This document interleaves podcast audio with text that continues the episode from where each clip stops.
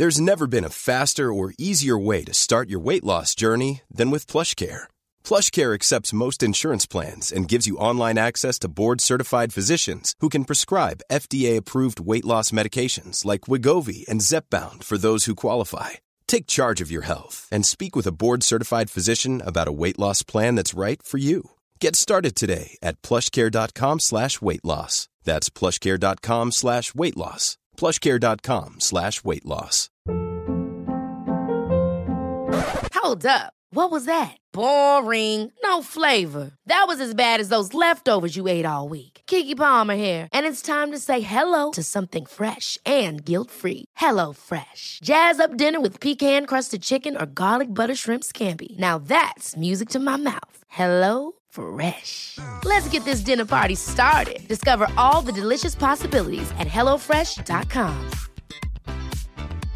I'm Sandra, and I'm just the professional your small business was looking for. But you didn't hire me because you didn't use LinkedIn jobs. LinkedIn has professionals you can't find anywhere else, including those who aren't actively looking for a new job but might be open to the perfect role, like me. In a given month, over 70% of LinkedIn users don't visit other leading job sites. So if you're not looking on LinkedIn, you'll miss out on great candidates like Sandra. Start hiring professionals like a professional. Post your free job on linkedin.com/people today. Deze aflevering moet je niet kennen voor het examen, maar we hopen wel op enkele boeiende verhalen vanavond. De gast van deze special is namelijk niet alleen een geweldige Antwerp-fan, maar ook een professionele verhalenverteller, een schrijver en een ex-rockster in spe. Eh, dat mag jij zelf uitleggen. Ik ben Thomas Lembroek Ik ben Bart de Vree. en Ik ben eh, Ivo Victoria. welkom bij aflevering 308 van de Vierkante Paal.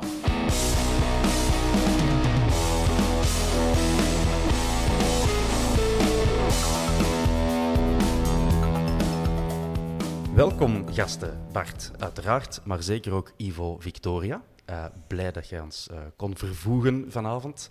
Eh, hoe is het met u? Heel goed, eigenlijk, ja, zeker. Uitstekend. ik, ik vertoef in Amsterdam, waar ik woon. Ja, dit is live vanuit Amsterdam. Ik ben in mijn werkkamer. Ja. Vlak bij mij thuis, eigenlijk. zit ik hier in een atelier te werken elke dag met nog twee andere mensen. Eh, sinds Ja. kort. Dus ik ben nog En een wij- beetje aan het wennen aan deze nieuwe omgeving. Ja. Ja, en wij houden nu van uw werk. Ehm, Nee. we gaan ons daar niet schuldig over, niet schuldig over voelen. Zijn jij een avondwerker, eh, Ivo, of eerder een dag? Nee.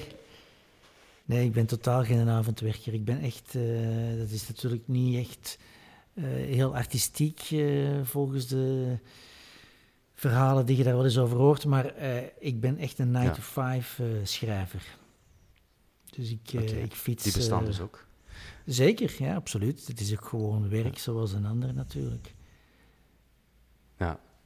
Eh, voor de mensen die u nog niet kennen, want ik ken u vooral van Twitter, of Aha. X tegenwoordig.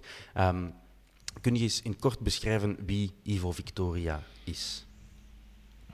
Ehm, ja, ik ben, ik ben auteur van voornamelijk eh, fictie, romans. Ik heb vijf romans eh, gepubliceerd in de voorbije, eh, sinds 2009. Ik werk nu aan mijn zesde boek. En, ehm, eh, daarnaast schrijf ik columns voor de morgen. Eén keer in de Ja. twee weken schrijf ik een column op de opiniepagina.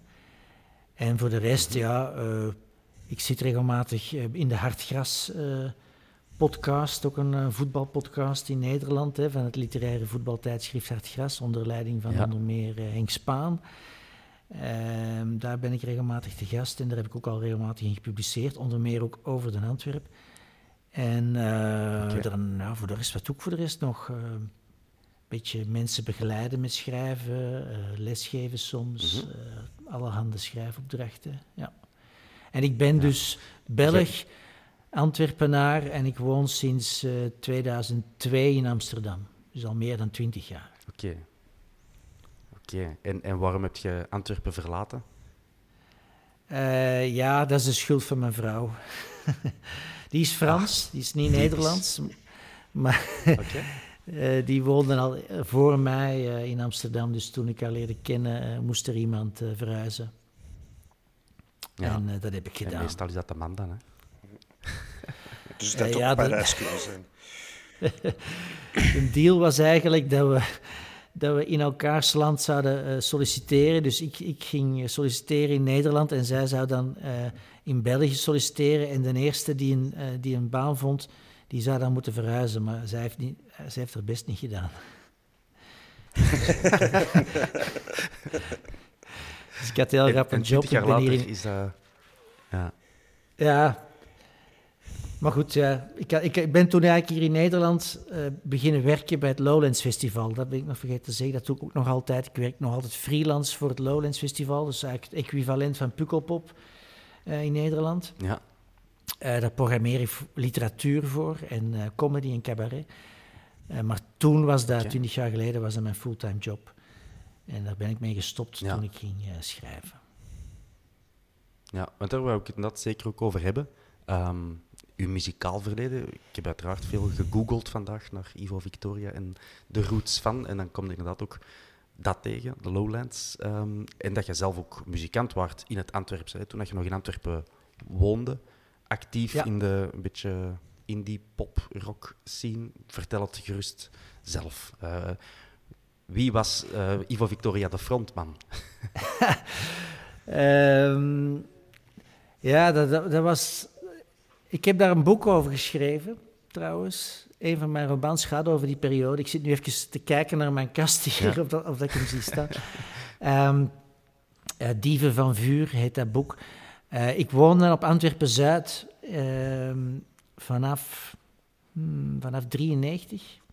Mm -hmm. En uh, dat was de periode, Deus brak door. Antwerpen was Europese hoofdstad van Europa, culturele hoofdstad ja. van Europa. Um, er gebeurde heel veel in de stad. op cultureel vlak, en muziek, kunst, mm -hmm. mode. Je had toen de vijf van de Antwerpse Academie, hè, Walter van Beirendonk, Anne Meulemeester, et cetera. Dus er was een enorme ja, vibe, die, een, een, klimaat eigenlijk voor, voor kunstenaars, muzikanten. En op het Zuid toen was het nog heel goedkoop wonen toen. Dat was nog niet uh, zoals nu, ja. zal ik maar zeggen. Uh, dus ik, ik had daar een appartementje voor een paar honderd euro in de... toen nog geen euro's, maar voor weinig geld. en... Um, en ik speelde in, in allerhande groepetjes, muziek. Uh, maar er woonden heel veel muzikanten in die wijk toen. En journalisten, kunstenaars, ja. schrijvers.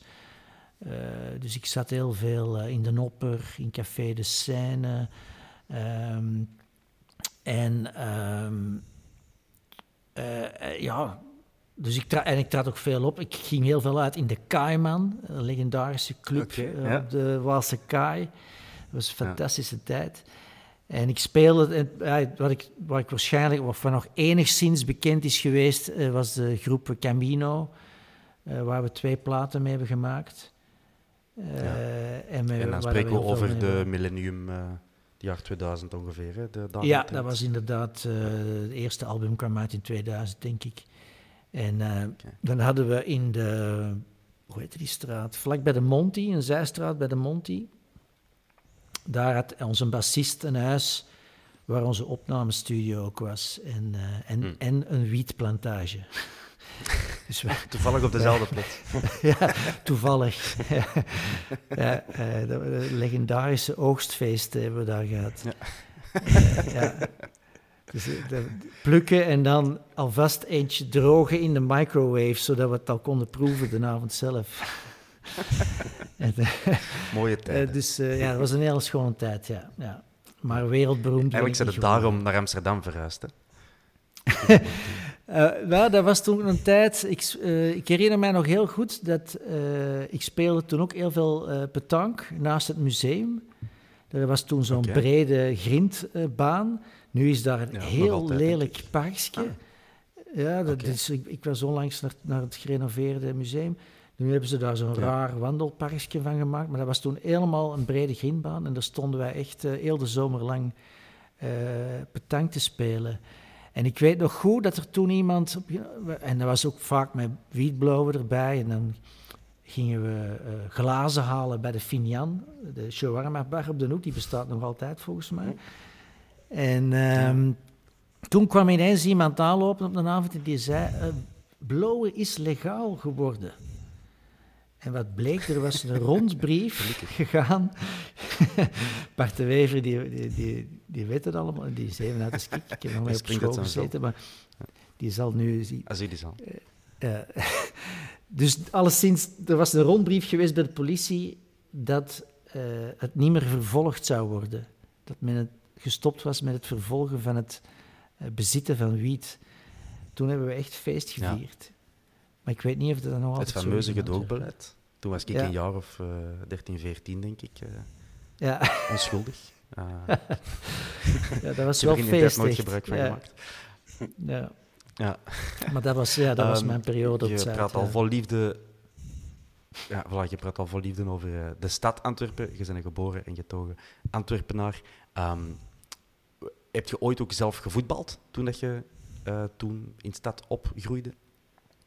Zeker. Uh, ik ben trouwens geen geboren Antwerpenaar. Ik ben geboren in uh, Mortsel en opgegroeid in Edegem. Ah, ja. uh, maar mijn familie, mijn grootvader is wel echt, was wel een echte Antwerpenaar. Die, die is geboren op de Steenhuisvest. Um, maar ja, ik, ik voetbalde. Um, ik heb uh, jarenlang uh, bij de oudste club, er is al direct een link met een Antwerpen, de, de, oudste club, maar dan van het katholieke sportverbond uh, gevoetbald, KFC Michiel. Ja. Beter bekend als de ploeg op wiens terrein de buitenopnames van FC de kampioenen werden gemaakt. dus ik voetbalde elk weekend op een veld en dan naast het veld stond nog het scorebord van de opnames. Dus er stond op FC de kampioenen bezoekers. en de, ga de, garage van DDT die was aan, aan, de ene kant, ja. dus uh, ja, altijd 020 al in het krijt. Ja. ja, we begonnen altijd met een achterstand. Ja, ik speelde daar in de tweede ploeg. Ik heb altijd in, in de tweede ploeg gespeeld. Ja. Oké, okay, dus bij de tweede ploeg van de, de Great Old van het Katholiek Verbond. Ja, ja. En, en, daar heb je dan ook de Patrick Vincent waarschijnlijk uh, leren kennen. Klopt, uh, een goede vriend. Nee, trouwens, daar, daar heb...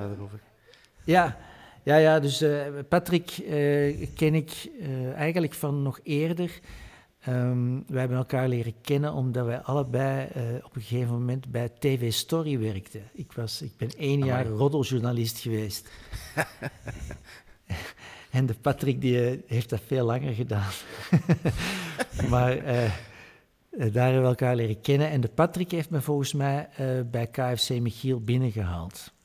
Oké, okay, een transfer. En, uh, en daar is, ja, wij zijn nog altijd vrienden. En, en Patrick is ehm, degene door wie ik nog altijd één of twee keer per jaar naar Den Antwerp kan gaan. Als zijn zoon niet kan of als iemand van zijn vrienden niet kan, dan mag ik mee. Zie dus. Wanneer is die liefde voor Den Antwerp begonnen dan? Is, um, is dat met de paplepel meegegeven? Uh, niet per se bij ons thuis. Uh, nee, daarvoor moet ik eigenlijk mijn klasgenoten. Ik zat er daar straks nog over na te denken. Mijn klasgenoten dankbaar zijn van. Uh, ik zat op Olvé, op het college in Edichem. En ja. waar dus de Bart de Wever ook zat, één jaar hoger als ik. En. Um, uh, een aantal maten, waaronder uh, Koen Roofdhoofd, uh, dat is een broer van Dirk Roofdhoofd.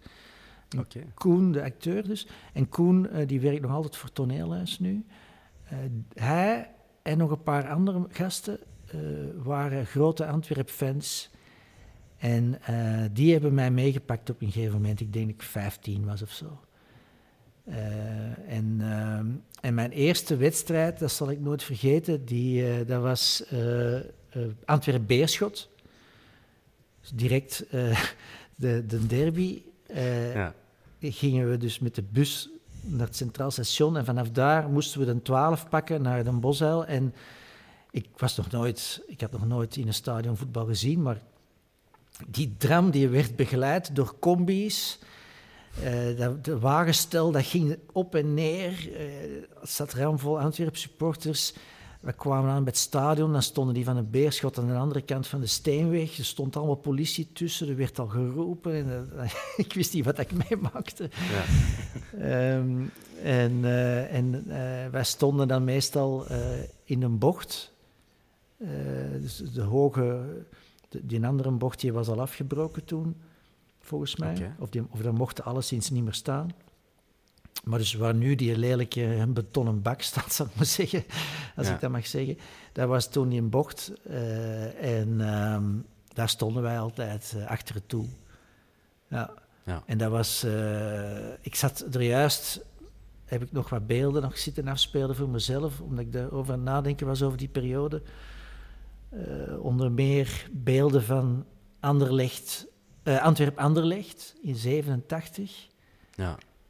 Uh, toen wonnen ze met 2-0. Ja, Sisse ja. Severijns, die toen op een onafvolgbare wijze een bal in doel met een karate-trap-achtige ja. uh, en dan Jan Poortvliet. Uh, ja, en ehm, ja. toen stonden wij dus achter in een bocht. En als dat dan, als zoiets gebeurt, als er dan zo'n doelpunt viel, dat, dat was echt een energie en een chaos daar. Want dat, toen ook alles was er kapot, overal losse stenen. En, Uh, maar uh, dat, dat gaf mij als 15, 16-jarige een enorme kick. Uh, en, ja. wat, voor een, wat voor een soort van waard je toen? 15, 16 jaar. Word je een, een hevige of eerder een, een rustige? Hevig. Hoe intens ja. beleefd je dat? Ja.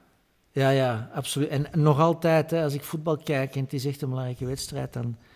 Ik word daar thuis natuurlijk keihard mee uitgelachen, maar dan kan ik nog... ook eh, soms dan zeg ik wel eens, of dan kom ik de buren tegen in de straat en dan zeg ik uh, van, oh, wat, mijn dochter had een feestje van het weekend, je hebt toch niet te veel last gehad? Nee, nee, nee, wij horen nooit iets. Eigenlijk alleen maar als de Rode Duivels scoren, dan horen wij iets van jullie. of als er voetbal op tv is, dan horen wij u roepen, maar verder horen ja. wij nooit iets. Ja, dus dat is wel altijd zo, ja. Ja. Uh, ik heb dat zelf niet. Als ik op tv matchen kijk, in het stadion wel, maar op tv Ah, uiteraard leef ik hard mee, maar ik, uh, ik heb ook twee jonge kinderen en ik zal dat niet gelijk. Ja, ik hou mij dan in of zo, denk ik. Mijn vrouw vraagt dat soms van, allee, ze scoren, moet je dan, moet je dan niet recht springen en, en dansen en zo? Maar ik, ik heb dat veel minder um, als ik thuis in de zetel zit. Hoe is dat bij u, Bert? Ja, ik wou het juist zeggen, ik krijg dan door mijn voeten als ik niet recht spring. Van uw, van uw kinderen? ja, vooral van de dochter, want die zit dan echt wel klaar met zo'n uh, shirt aan, een sjaal, er een muts op. Ja. Echt zelfs als het 30 graden is, toch die rood-witte muts op. en dan uh, moet ik, als ik, bijvoorbeeld, we hebben nu afgelopen zaterdag nog gezien, de match tegen Standaard op tv, omdat ik, ja, kattenkindjes, dus ik kon niet gaan, uh, ja. gaan zien ja, vanaf die 4-0 ben ik enthousiast, maar dan zo al, al iets minder enthousiast dan met de eerste goal die valt. Ja, ja. ja maar dat wordt niet, dat wordt niet getolereerd. Dat, uh, dat enthousiasme, dat moet ja. blijven. Ja. Je hebt een en de zon die is drie, die een, uh, kan het voorlopig nog heel weinig boeien. En die is zelfs gewoon de tweede helft in slaapgeval. Die zoiets. Ik doe een dutje. Het, mag, uh, het is weekend, het, hè? Ja, het kan mij hier allemaal gestolen worden. Ik kan slapen. um, wat ja, iemand die ook posters op zijn camera van de Antwerpen, Ivo? Of, of zo intens misschien? Uh, posters. Of wordt al te oud misschien uh, om de. Ja, dat denk ik wel. Ik was toen ook al veel met muziek bezig. Um, ja.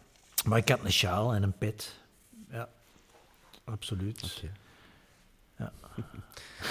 Dus toen dat jij die jaren ook uh, op verplaatsing beginnen gaan? Of, uh... um, op verplaatsing heb ik niet zo dikwijls gedaan, volgens mij. Uh, niet met een Antwerp, nee. Ik heb la in latere jaren, dus toen ik in Nederland woonde, heb ik een aantal jaren een seizoenskaart voor PSV gehad. en dan, toen zijn we wel een aantal keer ook uitwedstrijden gaan doen, maar dat is altijd zoveel gedoe. Met die buscombi en uh, je zit er gewoon een dag mee, mee kwijt eigenlijk. Hè. Uh, maar in die tijd, ja, is, Antwerp, oh, nee, ik denk eigenlijk niet. kan het me niet herinneren. Nee. Dat moet je ook wel eens uh, uitleggen, Ivo. Je woonde in Antwerpen, verhuisde naar Amsterdam en begint dan in Nederland voor PSV te supporteren. Ja. Dat is niet, niet meteen de logica zelf, denk ik. Wel, er is natuurlijk een sterke band tussen PSV en Antwerpen. Hè, uh, Frans Met van de jaren tachtig. uh, ja, Jan ja. Poortvliet, Berry van Aarle. Ehm, dus dat was... en ik ben ja, voor mij de jaren tachtig, die periode, zo van 85 tot begin jaren 90 tot... ja, dat was voor mij toch wel de mooiste periode toen als jonge gast. De periode van mm -hmm. Georg Kessler. ik ben ook tot, tot eigenlijk Wembley... Uh, hè, want ik, ik, ben ook nog naar uh, Antwerpen, Spartak, Moskou. Dat is ook wel een van mijn mooiste herinneringen wat dat betreft. Uh, dus dat was toch vaak met uh, Nederlanders ook erbij, van PSV ook. dus dat vond ik dan een goed excuus al. vond ik al een goede link om, om PSV te kiezen. Plus ik heb eigenlijk altijd... of ik heb nooit veel gehad met Ajax. Um, dat is een beetje... Een, Perfect ja, begrijpbaar. ja, toch? Ja. Ik denk, als je Antwerp zou moeten... Mensen vragen dat wel eens aan mij hier in Nederland ook. Van, ja, dan, maar, moeten we dat eigenlijk vergelijken, Antwerp? Dan denk ik, ja... Niet per se PSV, dan is denk ik eerder Feyenoord... een soort van mm. equivalent qua vibe... En, en, uh, en de mensen die, die daar naartoe gaan kijken... Uh, dus hevig en uh, ja, de hel van Deurne-Noord en dan de Kuip, dat is toch wel ook trouwens ja. het oude, de oude Bosuil was natuurlijk gewoon een soort van Kuip. Dus mm. dat, is, dat is denk ik meer de, de sfeer. En uh, Ajax is toch ja, een behoorlijk arrogante club altijd geweest. Antwerpenaren zijn ook niet bescheiden, maar meer op een elitaire manier, een soort van godenzone, hè, zo noemen ze zichzelf ook, de Ja. godenzone. Uh, wat dit seizoen natuurlijk buitengewoon geestig maakt. De sfeer in Nederland. Omdat Ja, niet ik loop zozeer met een grote smile eh, rond eh, in uw stad. eh. Het is niet zozeer leedvermaak, maar ik geniet wel van de totale verbijstering bij de Mm. Ajaxiden. Dus alsof de hemel op hun hoofd is gevallen. Dus on- ze kunnen het nog steeds niet geloven eigenlijk, wat er gebeurt. En, en dat doet hun goed, denk ik. Ik denk dat ze daar grote jongens van worden. Ehm, Ja, ik heb Maar- toch een Nederlandse collega die een supporter is van Feyenoord. En daar is elke maandag het nodige leedvermaak. eh die, eh, die amuseert zich kapot dit seizoen. Eh, Ja, ja, maar ik denk ook dat wij als, als Antwerp supporters geleerd moeten hebben daarvan, van leedvermaak. Ik bedoel, wij zijn lang genoeg de kop van Jut geweest. Ja. Eh, dus eh, ik ben daar wel een beetje van teruggekomen van dat leedvermaak.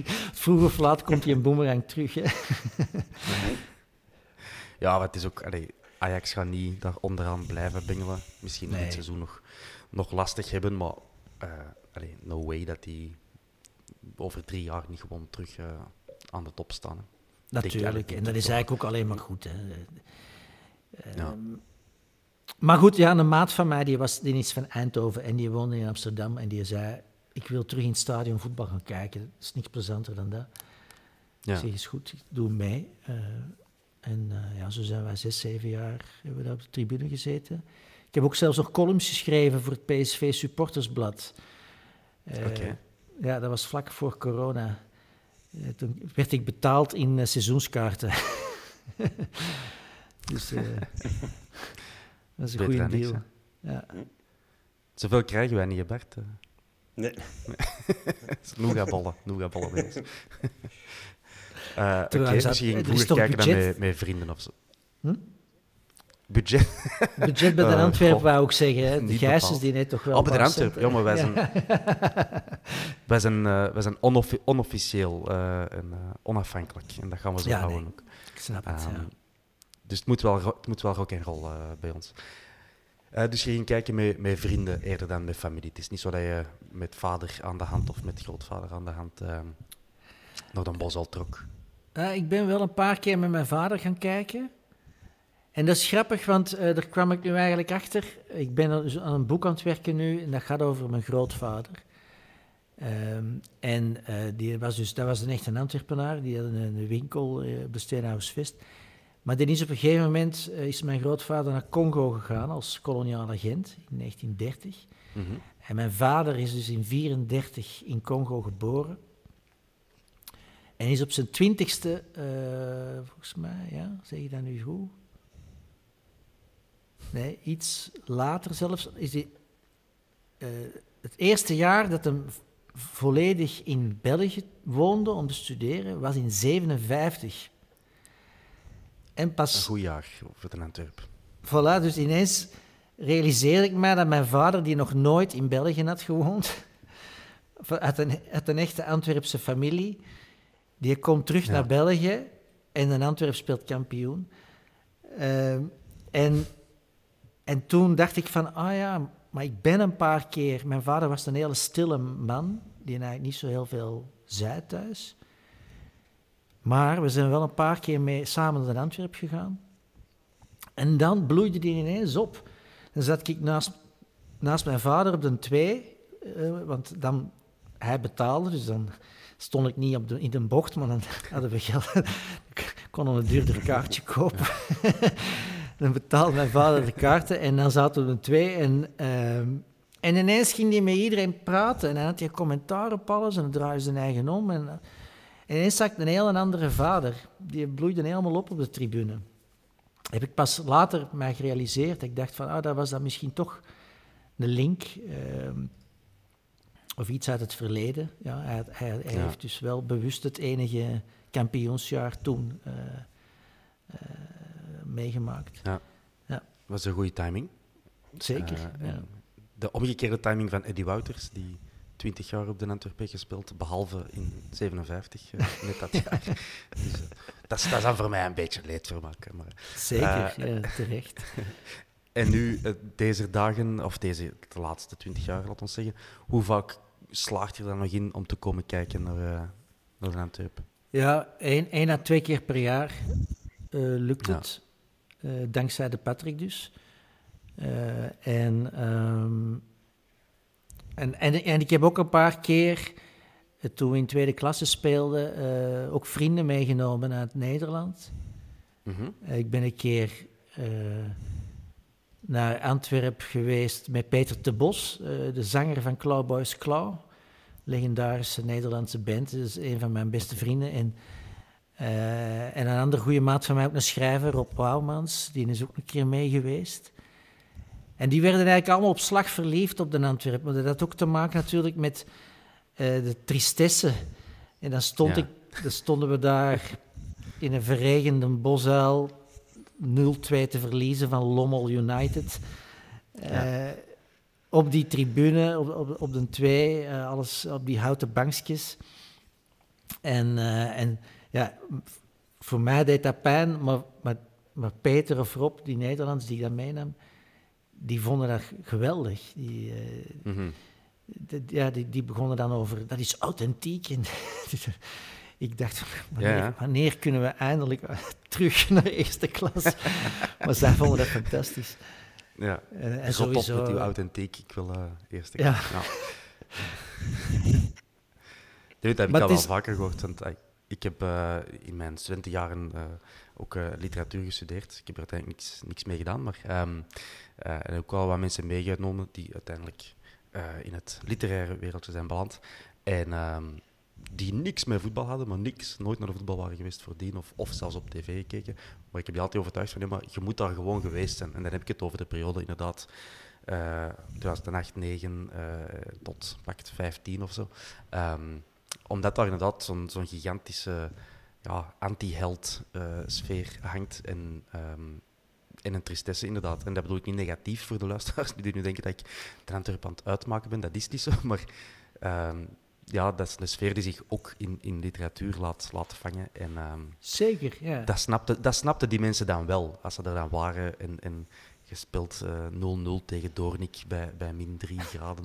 ja, dan, dan is wel Ja, die mensen hier... Allee, het, het, contrast tussen de sfeer op de tribune en dan het eindresultaat, hè, de reden waarom die mensen komen en het, eh, wat ze krijgen, dat, die, dat is zo'n gevrongen relatie altijd. De passie dat er vanuit de mensen komt, ehm, Ja. dat, zijn emoties dat iedereen kan begrijpen. Eh, zelfs eh, literaire mensen, Ja, absoluut. Maar de- meer dan anderen nog. Ja.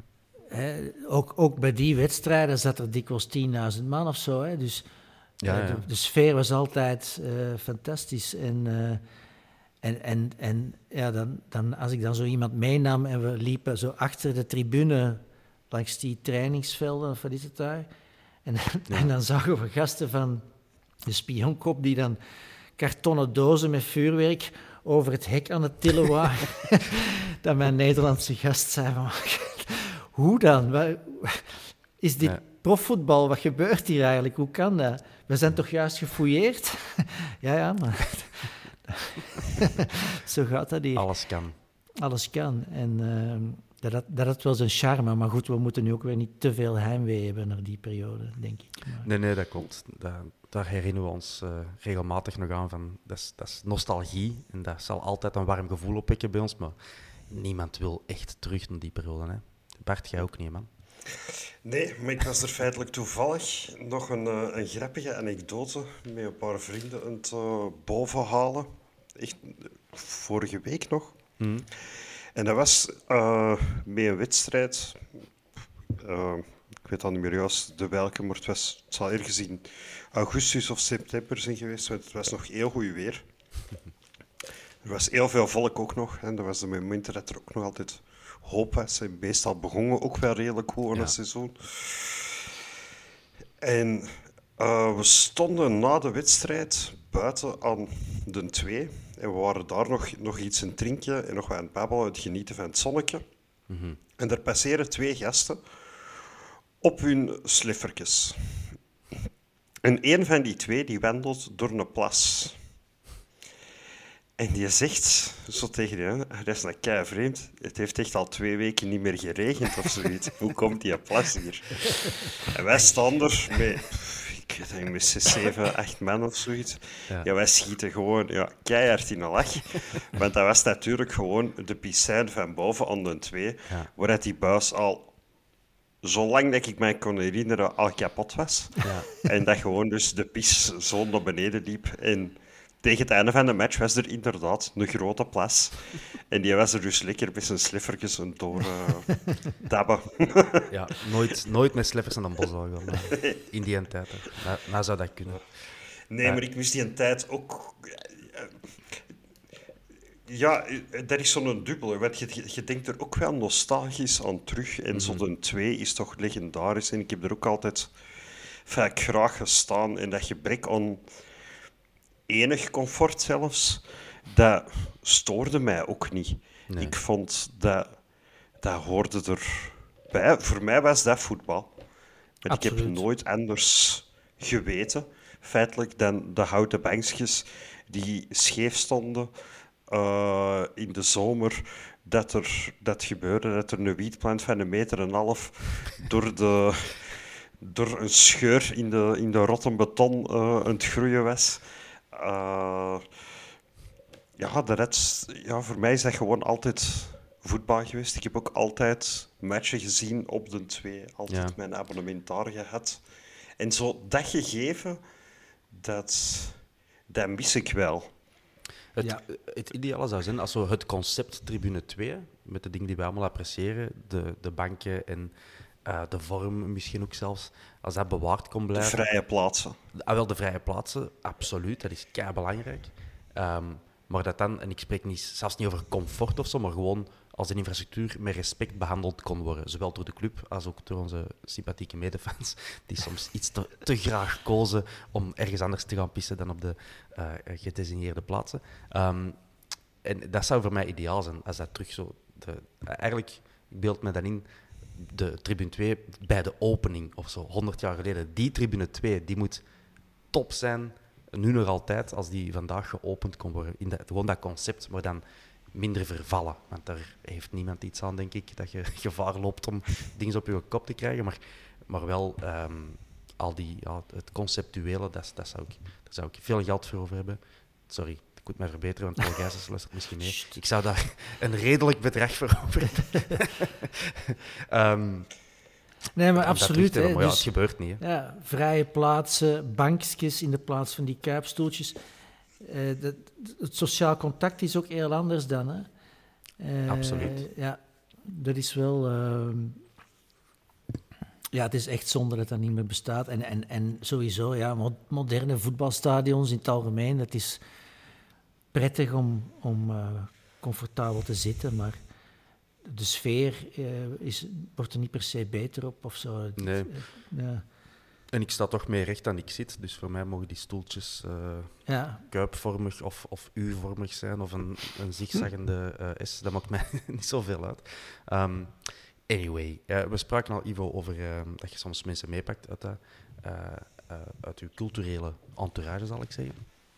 Is dat iets wat leeft in uw uh, omgeving van schrijvers in Amsterdam? Want ik heb interviews met u gelezen hè, dat je net ook dat wel apprecieert aan Amsterdam. Hè, dat je in een biotoop zit van uh, gelijkgestemden, zal ik zeggen, of mensen die creatief bezig zijn.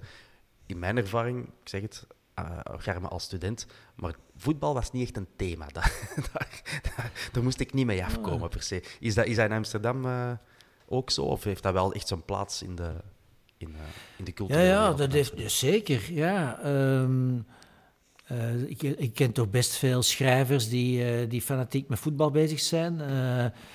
ook, in, dus dat, dat, Hard Gras speelt wat dat betreft, hè, dus dat tijdschrift speelt daar wel ja. een rol in ook. Hè, dus Frans Tomezen, wat toch ja, een van de...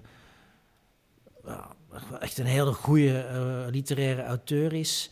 Uh, dat is ook een enorme voetbalfan. Uh, Thomas Herma van Vos, uh, Auke Hulst. ik ken toch wel redelijk veel mensen die... schrijvers die met voetbal bezig zijn, die zelf ook spelen. Um, en, um, en daar ook graag over schrijven. Dus ja. wat dat betreft... Ehm, nee, ik denk dat dat ook wel... Dat dat, dat dat misschien vroeger meer was, die, die scheidslijn tussen dan zogezegd hogere en lagere cultuur. Maar ja, ja zo was het wel in mijn ervaring. Zo. Ja, ja, ja. Ja, misschien, ja maar nee, dat, die ervaring heb ik niet, nee. Uh, en voetbal is natuurlijk een bron van verhalen en van... Uh, uh, een van mijn favoriete boeken ook is, is dat boek van Nick Hornby over Arsenal. Over, een Engelse schrijver die over zijn, zijn supporterschap voor Arsenal schrijft. En dat eigenlijk heel schoon uh, parallel laat lopen met, met zijn eigen leven.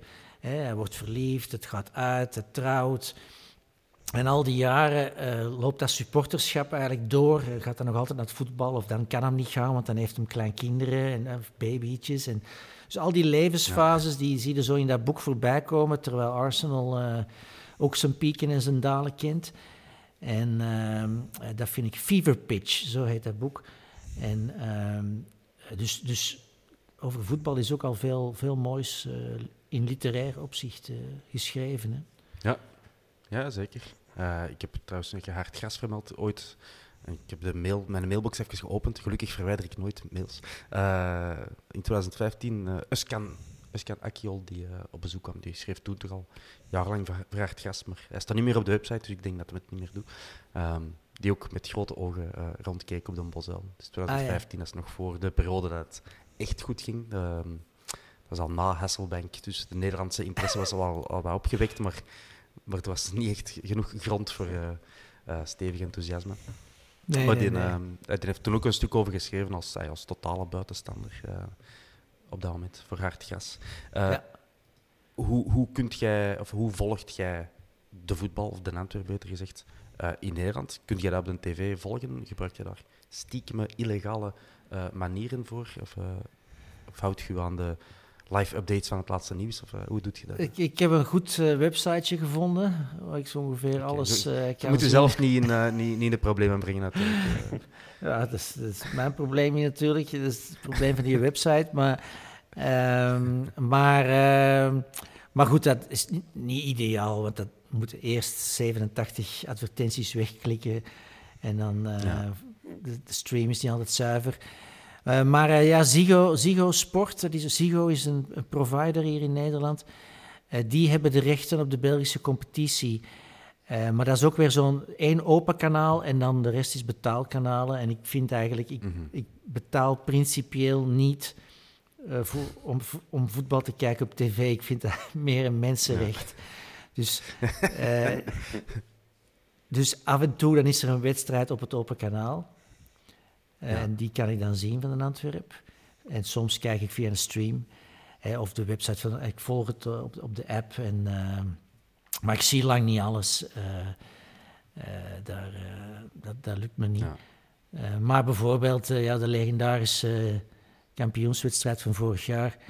Ehm, daar, die, die ging ik dus kijken. Daar zat ik helemaal klaar voor. Dat was op het open kanaal van Ziggo Sport. Mm -hmm. Maar wij hadden een, een Frans nichtje uh, die bij ons logeerde. En uh, die moest uh, vliegen, die moest terugvliegen. Dat was familie. Die moest terugvliegen. En er was een trein, die moest vertrekken eigenlijk als de wedstrijd begon. Of juist ervoor, of die was al een uur weg. Ik weet al niet meer hoe het ging, maar alleszins, de wedstrijd is tien minuten bezig. En er is een enorme treinstoring op Amsterdam Centraal en die geraakt niet op Schiphol. En er was niemand thuis. En Meisje 16. Noncolivo ja. moest in de auto stappen. Maar ja, trein, treinstoring, er reed niks meer. Dus wij waren niet de enige die naar Schiphol uh, reden. Dus, ik, dus toen heb, heb, ik dus haar naar Schiphol gereden. Ondertussen met mijn telefoon heel de tijd de laatste nieuwsapp uh, verversen. Dat ja. heeft dus exact uh, anderhalf uur geduurd. Toen kwam ik dus thuis en als bij wonder, ik zet de tv op en al de wereld schiet in bal binnen. Gewoon exact op dat moment. dat is fantastisch. En, maar ik, ik had, ik, omdat, omdat de situatie uitzichtloos was op een gegeven moment, hè, want de tussenstanden... Dus ik had zo tien minuten voordat ik thuis kwam, had ik de telefoon uitgezet. Ik denk, ja, dat, shit, hè, dat is hier verloren. Dus ik wist ja. niet...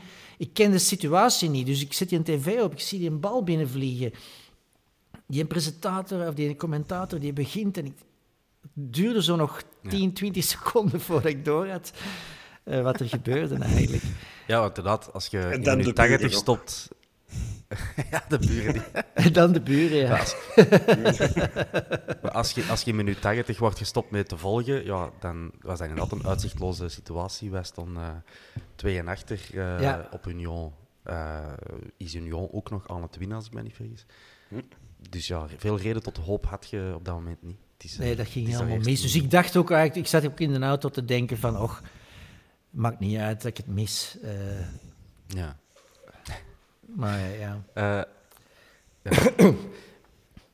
Iemand, uh, en ik zal hem benoemen op Twitter, Bosel Soul, um, een goede vriend van de show, die vraagt, uh, gerelateerd aan dat moment. De beelden staan op ons netvlies gebrand, zegt hij. Ze maken deel uit van het collectief geheugen en zijn ondertussen cultureel erfgoed. Maar hoe klinkt het epische 93, 33 in dichtvorm. Hoe ziet dat moment eruit in het hoofd van een schrijver? Heb je daar al eens over nagedacht um, om dat te verwerken in, in uw werk dan? Dat, dat epische, iconische moment? Um, dat, zou, dat zou zeker nog uh, kunnen. Um, ik ben geen dichter of, en ik ben ook geen, niet iemand die dan zo heel impulsief uh, daar direct... Uh, de juiste woorden ja. voor vindt. Uh, maar um, dat zijn natuurlijk wel momenten in een mensenleven, hoe zot ook eigenlijk. Hè, want het is maar voetbal. Uh, maar ja, dat, dat, dat, kan toch voor een geluksgevoel of een euforie zorgen in uw lijf. Een fysiek gevoel. Uh, dat deel, ja, dat eigenlijk, we moeten daar niet te hard op zeggen tegen onze vrouwen en kinderen. Uh, maar wat dikwijls toch lastig te evenaren valt. ja. Op andere momenten, andere niet verder te benoemen momenten in, uh, in ons ik leven. Ik snap het, ik snap het. Ja. En, ja. um, en dus zijn dat ook vaak goede, uh, hoe zeg je dat, metaforen of parallellen die je kunt gebruiken in, in een verhaal. Hè. Um, dus wie weet uh, ik geloof dat de Patrick Vincent ook nog uh, ergens op Twitter vroeg van wanneer komt de grote Antwerp-roman nog? Ja, ja. ja. Um, dat weet ik niet, maar ik heb wel eens, ik heb wel een, verhaal. Eigenlijk heb ik eigenlijk, de geschiedenis van mijn supporterschap heb ik al wel eens opgeschreven, deels in een verhaal voor Hartgras uh, over, het, uh, over het mirakel van, Sof, uh, van Vitosha. Ja. Waarin ik eigenlijk ook vertel over hoe ik daar terecht ben gekomen en die periode van Kessler en zo. Word je daarbij bij die match ook? Nee. Het mirakel? Dat heb, ik, dat heb ik dus in dat verhaal ver, uh, is eigenlijk deels fictie, want ik vertel eigenlijk het verhaal van een, van een ik-verteller die erbij is en te vroeg weggaat. Hmm. Ja, uh, zo waren er veel. Menig Antwerp supporter is overkomen die avond. Ja. Uh, nee, ik zat voor tv. Oké. Okay. ik wou even teruggaan naar zo die, die, die emotie en dat het moeilijk luid op te vergelijken is met, uh, met andere mooie gebeurtenissen in het leven. Er heeft wel Toby Alderwereld ons van vrijgesproken. Hè? Ah. De man die de goal maakt, die getrouwd is, die twee kinderen heeft, die heeft voor de, op de tv gezet: dit, dit is het mooiste moment van mijn leven. dus als wij dat zeggen, ja. en wij krijgen dat ooit als een boemerang terug, kunnen wij zeggen: Oh, oh. Ja. maar Toby Alderwereld zelf heeft dat gezegd. Ja. Wat kunnen wij nu? Wij gaan niet discussiëren met King Toby Alderwereld. Hè. Het is, een, het is, een, schild dat we hebben van twee meter hoog en een meter breed. Uh, Letterlijk en figuurlijk. Voilà. Die, die kunnen we voor altijd blijven gebruiken. Ik vrees dat mijn vrouw niet onder de indruk zou zijn van het document. Toby Kie? Ouder wereld. uh, ja. Oké, okay. um, de Patrick Vincent, zijn tweede vraag was: hoe verschilt de beleving uh, op de Bosuil van die in het uh, stadion van PSV of in de arena van Ajax? Ah ja, Kunt je dat, dat is, vergelijken? dat is een heel groot verschil. Hè. Ehm, bij PSV is een zeer geestig, gemoedelijk publiek, het gevoel voor humor, zouden misschien, dat, het gevoel voor humor dat je ook op de, tribune hebt in, bij de Antwerp, dat zouden we nog kunnen vergelijken. Uh, maar uh, eh, PSV, het PSV-stadion wordt eigenlijk alleen maar wakker als er, uh, iets, als er echt iets op het spel staat, zou ik maar zeggen. Als, ja. als het goed gaat of als ze echt goed spelen of het is heel spannend. Uh, terwijl uh, in de, op de Bosalia is het eigenlijk altijd uh, bal. Hè? Het is altijd fanatiek, het is mm. altijd hevig. En, en ik heb ook echt wel wedstrijden meegemaakt bij PSV. Ja, dat, met name in de eerste periode dat ik daar kwam, dat was toen Philippe Cocu terugkeerde naar PSV als speler nog. Okay, ja. Dus dat was het. en, en, en toen speelden ze elk jaar kampioen met 10 punten voorsprong. En dan speelden ze ook Timmy Simons erbij. Timmy Simons, ja, absoluut. Ja. En uh, dan zag je dus sommige wedstrijden in competitie, dan kwamen ze 2-0 voor na een half uur. En dan zag je gewoon Cocu tegen de andere spelers zeggen van, is klaar. En dan zaten wij op de tribune en dan zagen we dat gebeuren. Van, oh shit, nu moeten we nog een uur. En die mannen die gaan niet meer doorspelen, hè, want woensdag is Champions League. Dus dan bleef het gewoon een uur lang nog 2-0. En, en viel er eigenlijk niks meer te beleven. Gewoon controle, voetbal. En, uh, en dan was het wel echt heel stil in het stadion. uh, terwijl Antwerpen is toch wel echt uh, vuriger.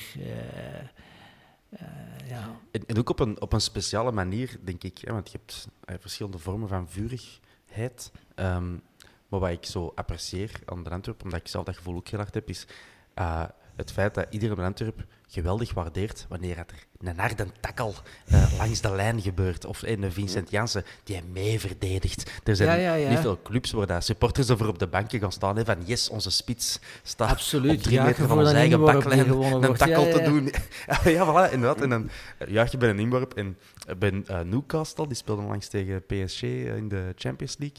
En ik heb daar dan de, de samenvatting van gezien. En die hadden het daar ook, ik vind dat heel herkenbaar. Verder heb ik dat nog niet vaak gezien of meegemaakt. Ik ben nog niet in zoveel stadions geweest natuurlijk, maar ik vind dat zoiets heel specifiek. Zo het, het juichen gewoon voor, voor die, die passie, terwijl dat helemaal niks opbrengt, een inworp uh, op, op 40 eh, meter van de goal. Maar het feit dat je ervoor gaat en, en nooit met u laat sollen. Zo, zo dat gevoel, dat wordt echt gedragen Ja, door dat, is ook, eh, eh, dat is ook wel echt, denk ik, een Engelse mentaliteit. Hè. In Engelse stadia zie je dat veel vaker. Hè. Dat, ze, dat ze nog achter onmogelijke ballen gaan, de spelers.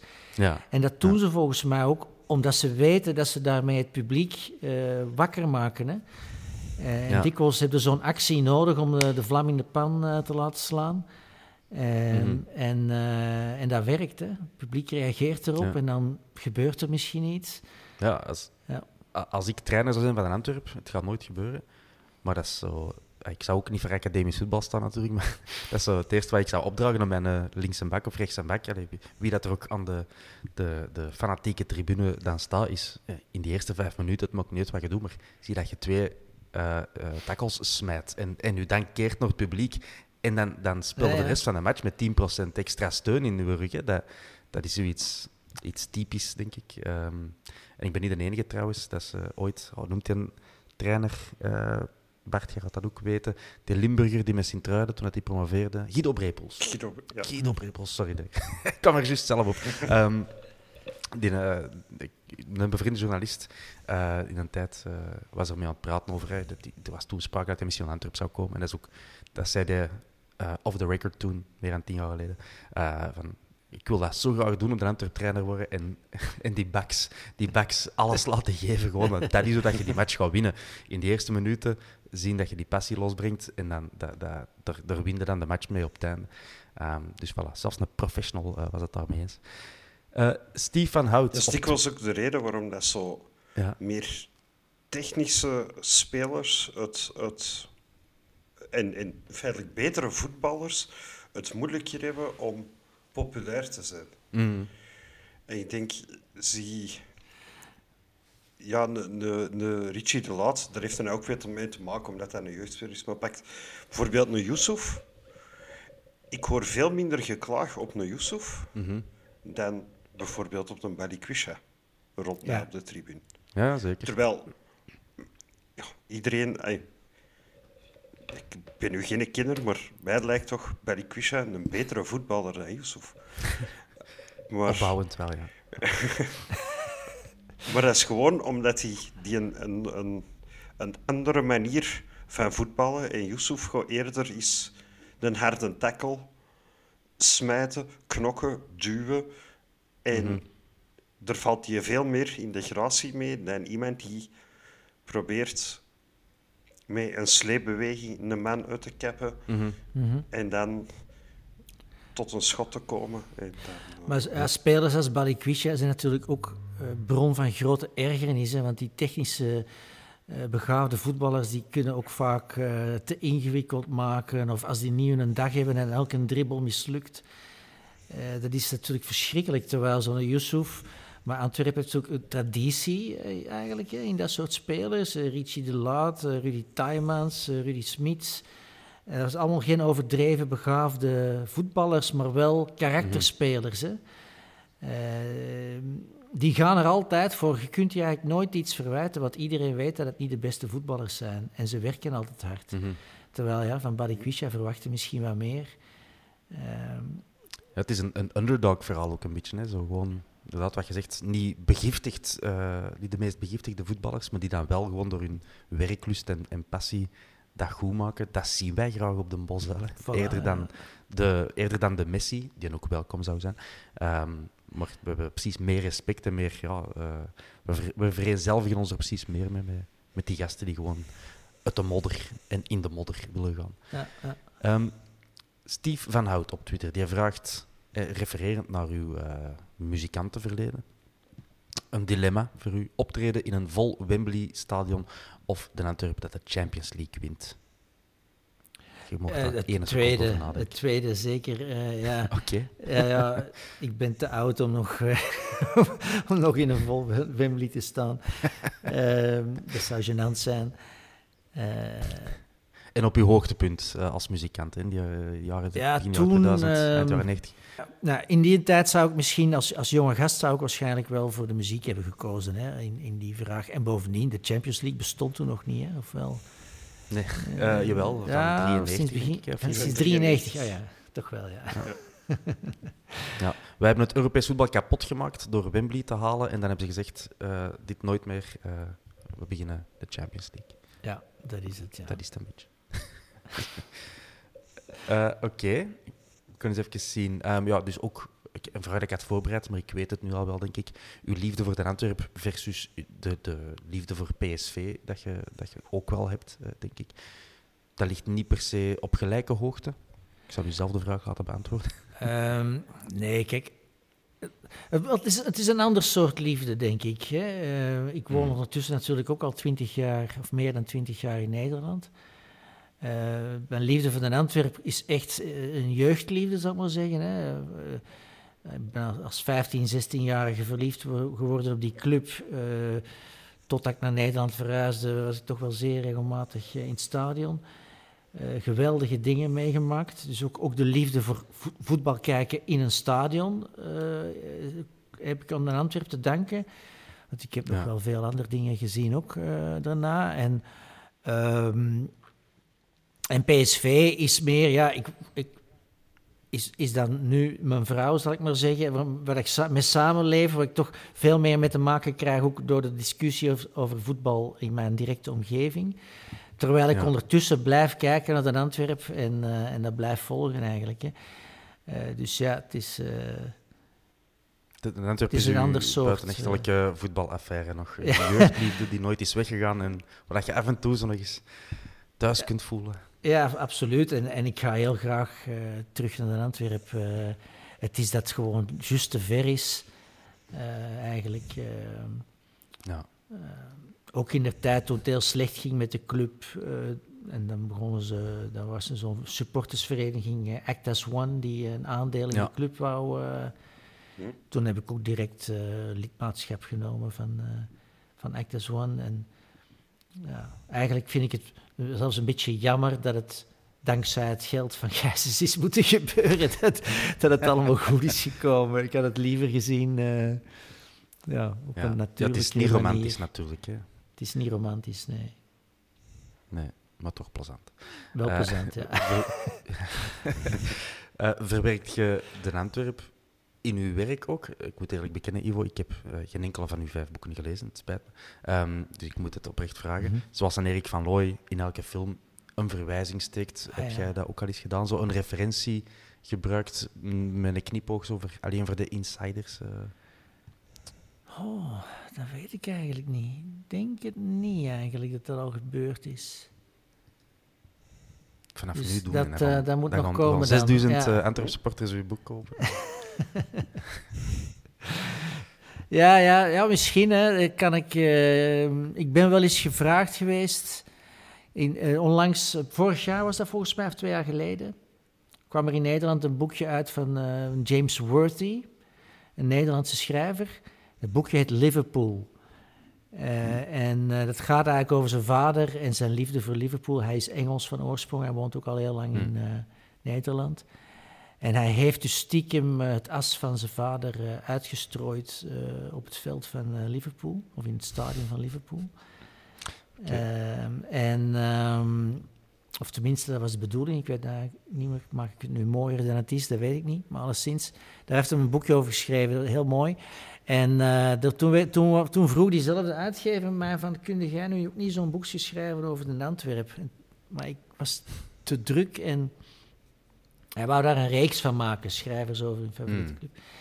Maar misschien uh, komt dat er nog wel eens van, ja, to, toch een, een, een kort uh, of een novelle over de Antwerp. Dat ja. zou op zich wel mooi zijn, hè? Ja. ja, die ga ik dan zeker lezen. Als opstapje naar de rest van uw uh, bibliografie. Ja, het is eigenlijk ehm. raar, want dat boek waar ik het er straks over had, Dieven van Vuur heet dat, dat speelt zich af in Antwerpen. Dat gaat over Antwerpen in de jaren 80 en in de jaren 90. Uh, eh, en toch is voetbal daar niet in terechtgekomen, niet dat ik me herinner. Maar wel gaat het heel erg hmm. over de muzikale scene en de vrije ja. radio scene van de jaren 80 ook. Uh, dus, dat is echt een Antwerpen boek. Maar op een of andere manier uh, is voetbal er niet echt in terecht gekomen. In, de 36e herdruk, Ivo, kun je daar nog snel tussen fietsen? Ja. ja. um, Eh, hoe, hoe staat de Antwerpen bekend in Nederland? Of gewoon helemaal niet bekend? Uh, de, Nederlandse, de Nederlandse die ik spreek, die kennen vaak wel een beetje de, de, de reputatie van de club, de slechte reputatie op vlak mhm. van ja, ongeregeldheden, laten we het zo noemen. Maar verder uh, ook niet echt. En dan nu, het laatste twee jaar natuurlijk, oh ja, Overmars en, Mark van Bommel. Ja, ja, dat is, dat is... In de voorbije twintig jaar, hoe, allez, heb, je, heb je al vaak moeten uitleggen van wat, wat een Antwerp is? Of is dat wel parate kennis bij de gemiddelde uh, Amsterdammer? Uh, nee, dat is de, de, in de voorbije, ik zal zeggen voor Van Bommel, Overmars, et was het echt een cultclub hier meer. Dus... Mm. En dan, en dan de befaamde anekdote eh, van Louis van Gaal, die altijd terugkomt, hè, van uh, trainer, ja. uh, zet mij in de ploeg, ik, ik kan alles met een bal. En dat Gietijs dan zei van, ja, maar je hebt hem nooit. Dat, dat, die anekdote is wel genoegzaam gekend hier. En dat Louis van Gaal hier op de bank zat, of bij Antwerpen op de bank zat, dat weten ze meestal ook nog wel. Of tenminste de kenners dan toch. maar um, verder werd dat gezien als een cultclub eigenlijk. Hè. Maar sinds, sinds Overmars en vooral en, en Van Bommel, Stenks natuurlijk vorig jaar ook, Ekkelenkamp, um, is, er, is, is er wel aandacht voor. Mm -hmm. En ik merk ook, maar dan nog, hè, dan, dan weten ze toch niet helemaal hoe het zit, want ook in de Hartgras podcast, dan hebben ze het altijd over FC Antwerp. Iedereen zegt altijd FC Antwerp. Ja. Ik, ja, ik moet wel ja. Je moet er niet inhouden. Je moet jullie, hard tegen ingaan. Ja, ja. ik moet het jullie niet uitleggen. Um, en, uh, maar ook hè, dat ze dan wel weten dat er iets gebeurt, maar eigenlijk niet echt in de gaten hebben wat er gebeurt. En ik moest eigenlijk, ik mag, ik, ik, heb, ik mag Henk Spaan erg graag. Ik weet niet of hem dit gaat luisteren, dus ik kan dat gewoon uh, zeggen. Zeer sympathieke uh, man en een echte liefhebber. Eh, die ontzettend veel over voetbal weet. En toch, drie weken geleden, appte mij en hij zegt, uh, zeg, die uh, Arthur Vermeeren, is die goed? dat ik denk van, mijn gast... Come on. is Frenkie de Jong goed? Ja, die, ja, ja, want ik... Hij had dan gesproken met Mark van Bommel, met hem een stukje schreef over de zoon van Mark van Bommel, Ruben van Bommel, die uh, nu bij AZ eh, doorbreekt.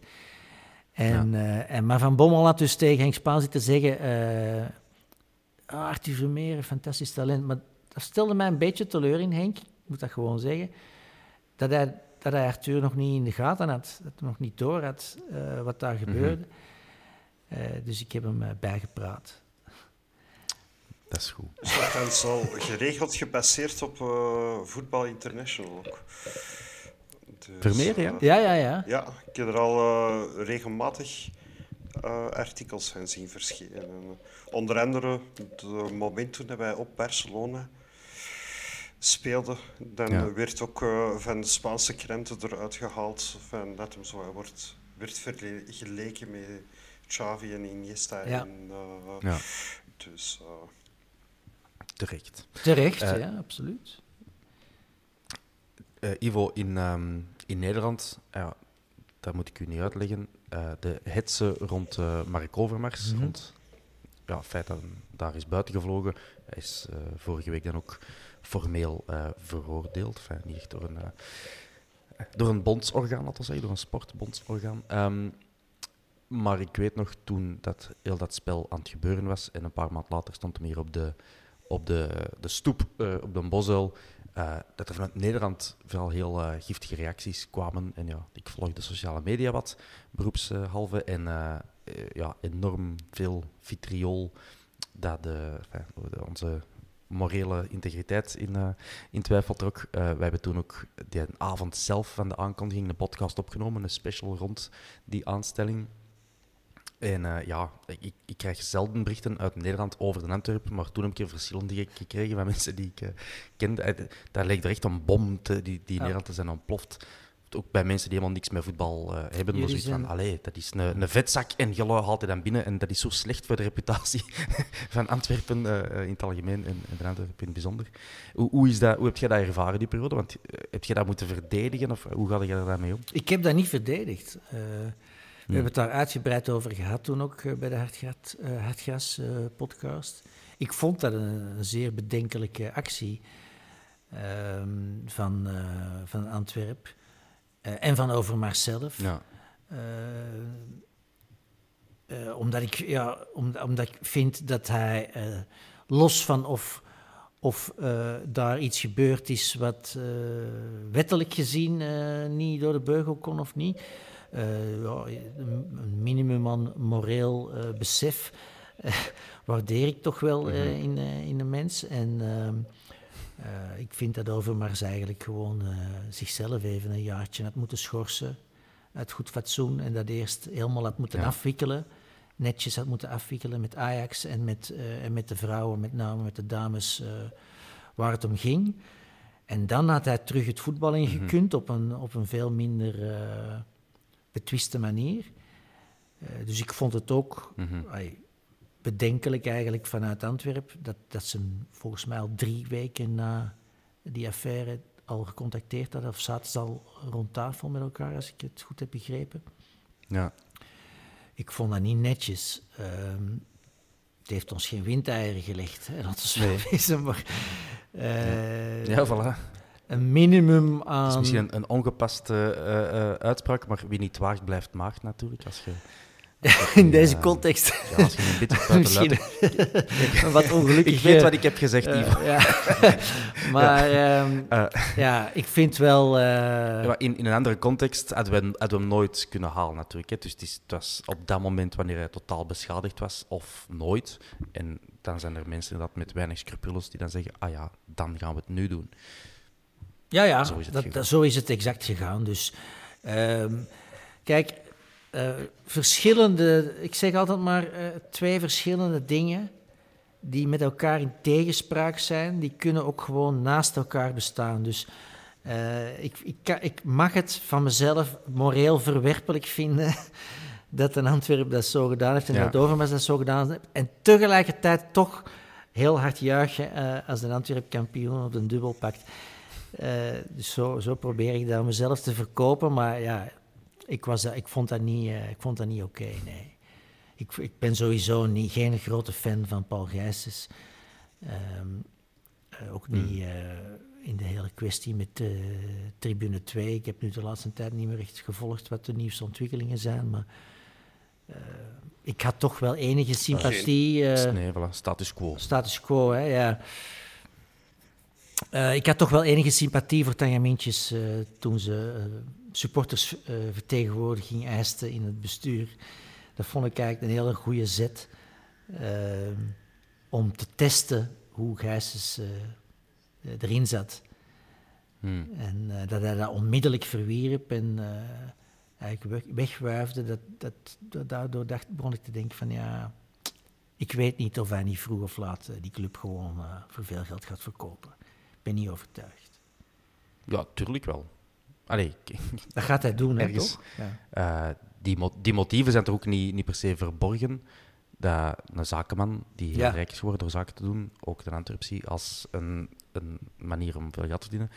Ik vind dat op zich niet erg. Allee, ik, ik ben een liberaal van, uh, van uh, opvatting. Niet per se dat ik op die partij stem, maar de, ja, dat is gewoon business. Je moet er realistisch in zijn, denk ik. En, natuurlijk ja. hopen dat de volgende eigenaar. Ja, het, is een. Allez, in, in, mijn ideale wereld zou ik de, de Antwerp en het voetbal uh, buiten heel dat circuit houden, maar dat is niet zo. En dan op zich hebben we veel geluk gehad met iemand van het kaliber van Paul Gijsens, die dan ook nog eens de daad bij het woord voerde. En in de toekomst moeten we gewoon hopen dat de volgende eigenaar uh, ook uh, goede intenties heeft. Maar ik, ik vind dat bizar als mensen daarvan onder de indruk zijn van, allee, hij gaat ons toch niet willen verkopen binnenkort als hij op maximum van de waarde zit. Ja, natuurlijk wel. natuurlijk gaat hij dat wel doen. Dat is toch normaal. En ik, ik ergens keer van dat dat nog niet gebeurd is.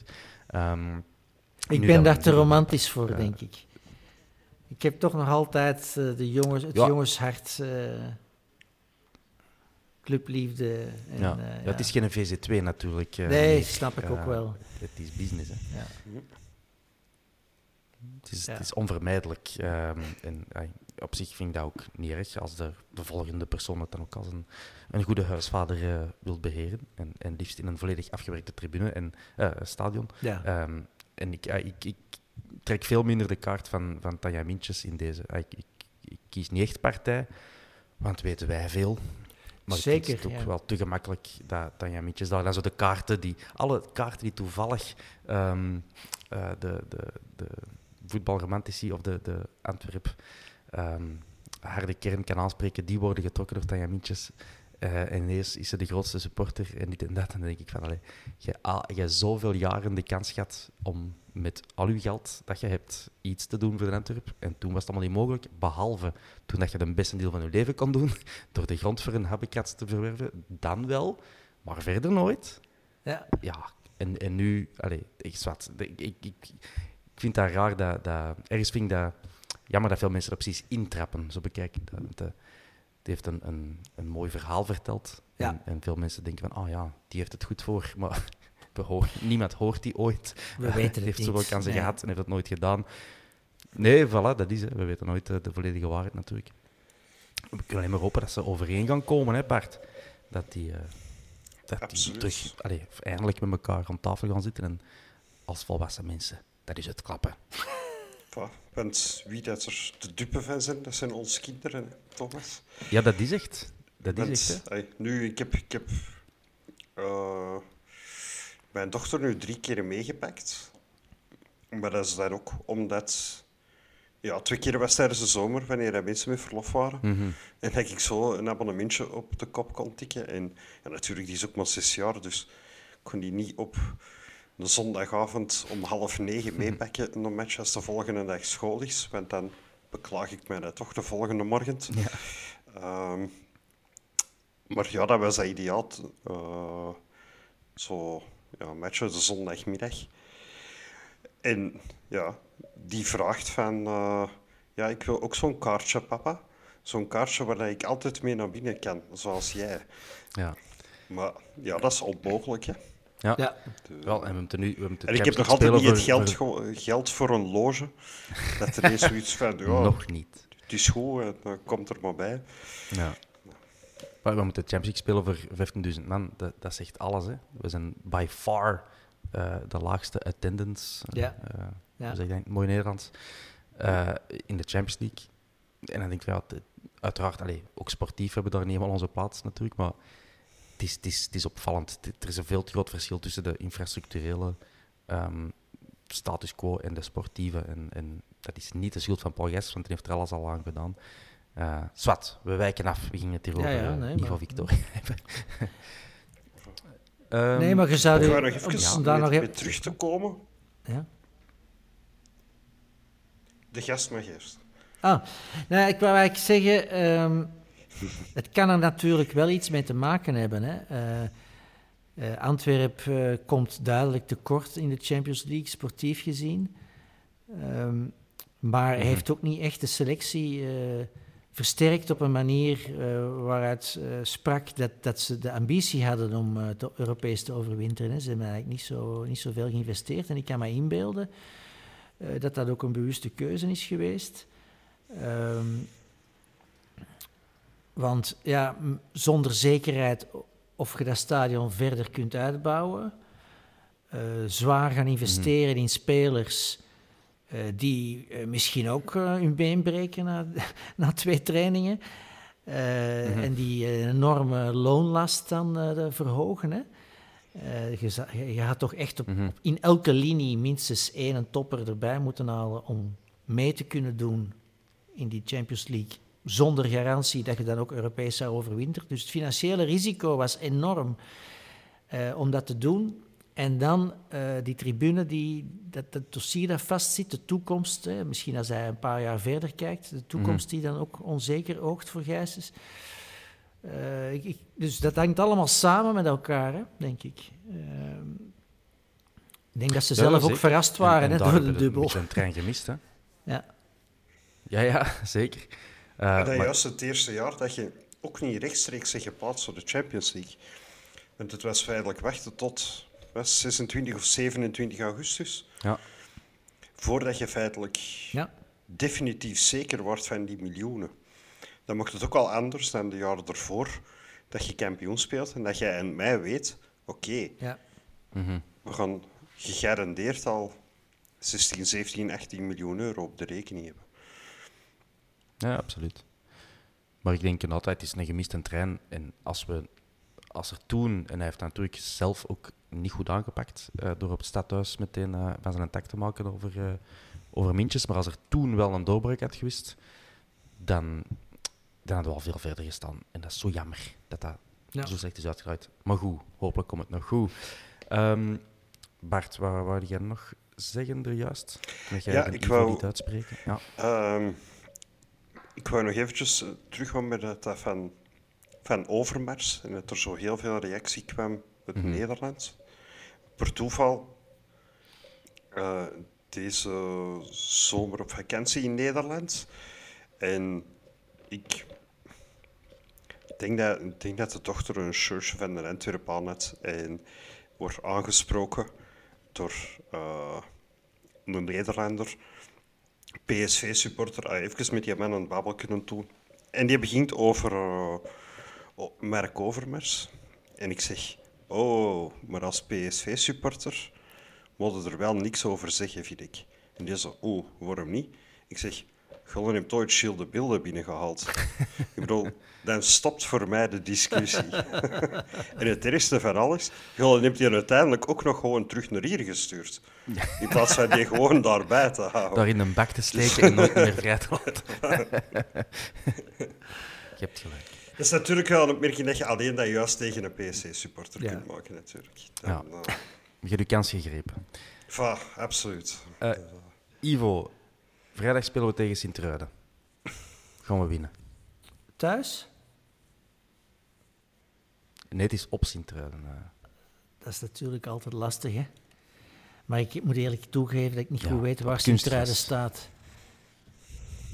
Waar staan die ongeveer? Die doen het goed. middenmoot, eh. Middenmoot, ja. ja, die doen het relatief goed. Ik, ik heb wel het idee eh, dat Antwerpen weer even in een andere vibe zat. Met stand, de overwinning tegen Standaard. Ehm, Mhm. en daarvoor ook toch? Eh, we hebben ook gewonnen toch? Eh, dus nu twee keer na elkaar. Ja. Eh, Tegen Genk. Ja, ah ja, voilà. Genk. En dat waren toch twee big wins. Dus eh, wie weet is het terug eh, gelanceerd. Ehm, kunstgras is natuurlijk verschrikkelijk. Eh, in Nederland is nu afgesproken eh, onder de profclubs dat volgens mij binnen een jaar of binnen twee jaar dat het helemaal weg is. Dus alleen nog maar terug echt gras. Ehm, Ja. en, eh, ja, en terecht, want het is, eh, er zijn ook spelers die niet willen spelen op kunstgras. Eh, Mhm. Maar goed, een wedstrijd voor Balikwisha. Technisch vaardige voetballers kunnen goed uit de voeten op Ja. kunstgras. En wie weet mag die jonge gast, die spits, ook weer meedoen. Dat is ook wel een type voor kunstgras, die De wendbare Georges. Ilen, Ilen Ja. kennen. Uh, dat hij er twee inschiet, dat zie ik nog wel gebeuren. Ziet je ons opnieuw kampioen worden uh, dit jaar? Of, of reikt uw uh, voetbalromanticusschap niet zo ver? Dat hangt ervan af, denk ik, of ze in de winterstop iets doen qua transfers of niet. Uh, want de kern is hmm. nu veel te smal, volgens mij. En uh, zeker in combinatie met Europees voetbal. Maar ze gaan niet overwinteren waarschijnlijk. Dus daar zijn ze dan van verlost na de winterstop. Eén of twee gerichte aankopen in de winterstop. En je doet misschien gewoon weer mee. Ja, dat zou wel goed kunnen. Kijk eens aan. Optimisme, dat horen we graag. Uh, ik ben er helemaal door. Ivo, Bart, had jij nog iets voor onze gast? Nee. Voilà. Buiten een bedankje. Ah, voilà. Kijk, Jullie bedankt. We ja, afronden. Geen probleem. Uh, nee, ze zeer graag gedaan. Het was fijn om u uh, erbij te hebben. Uh, wij kijken samen uit naar Sint-Truiden. Wij nemen daar uh, overmorgen, zwart voor de luisteraar, ik denk ik dat wij woensdag opnemen. Er komt een, um, een vooropschouwing, uiteraard, zoals altijd, op Sint-Truiden aan. En wij kijken vooral uit naar terug clubvoetbal na dat vervelende Interland weekend ertussen. Uh, Ivo, ik dank u zeer en ik wens u heel veel succes in uh, Amsterdam. En kom zeker binnenkort nog eens naar Antwerpen en laat het weten wanneer dat je er bent. En dan pakken we samen een pint op uh, de glorieën uit het verleden en de prachtige toekomst. Ik ben, er, ik ben erbij Bedankt. met Antwerp-Barcelona. Ah, amai, dat is een mooi momentje dat je hm. hebt uitgekomen. Wederom, dank aan de Patrick.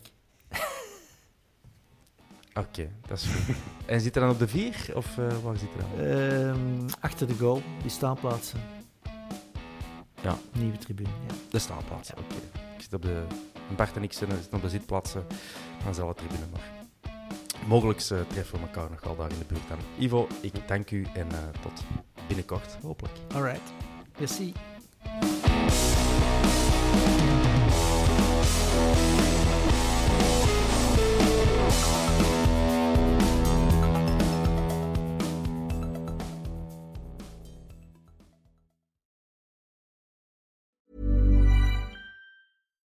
Why don't more infant formula companies use organic, grass fed whole milk instead of skim? Why don't more infant formula companies use the latest breast milk science? Why don't more infant formula companies run their own clinical trials? Why don't more infant formula companies use more of the proteins found in breast milk? Why don't more infant formula companies have their own factories instead of outsourcing their manufacturing? We wondered the same thing. So we made ByHeart, a better formula for formula. Learn more at byheart.com.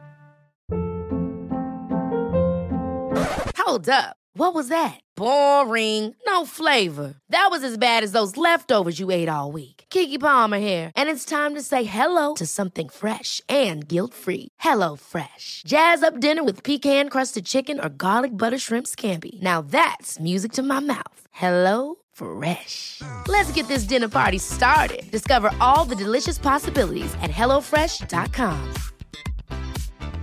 Planning for your next trip? Elevate your travel style with Quince. Quince has all the jet setting essentials you'll want for your next getaway, like European linen, premium luggage options, buttery soft Italian leather bags, and so much more. And is all priced at 50 to 80% less than similar brands. Plus, Quince only works with factories that use safe and ethical manufacturing practices. Pack your bags with high-quality essentials you'll be wearing for vacations to come with Quince. Go to quince.com/pack for free shipping and 365-day returns.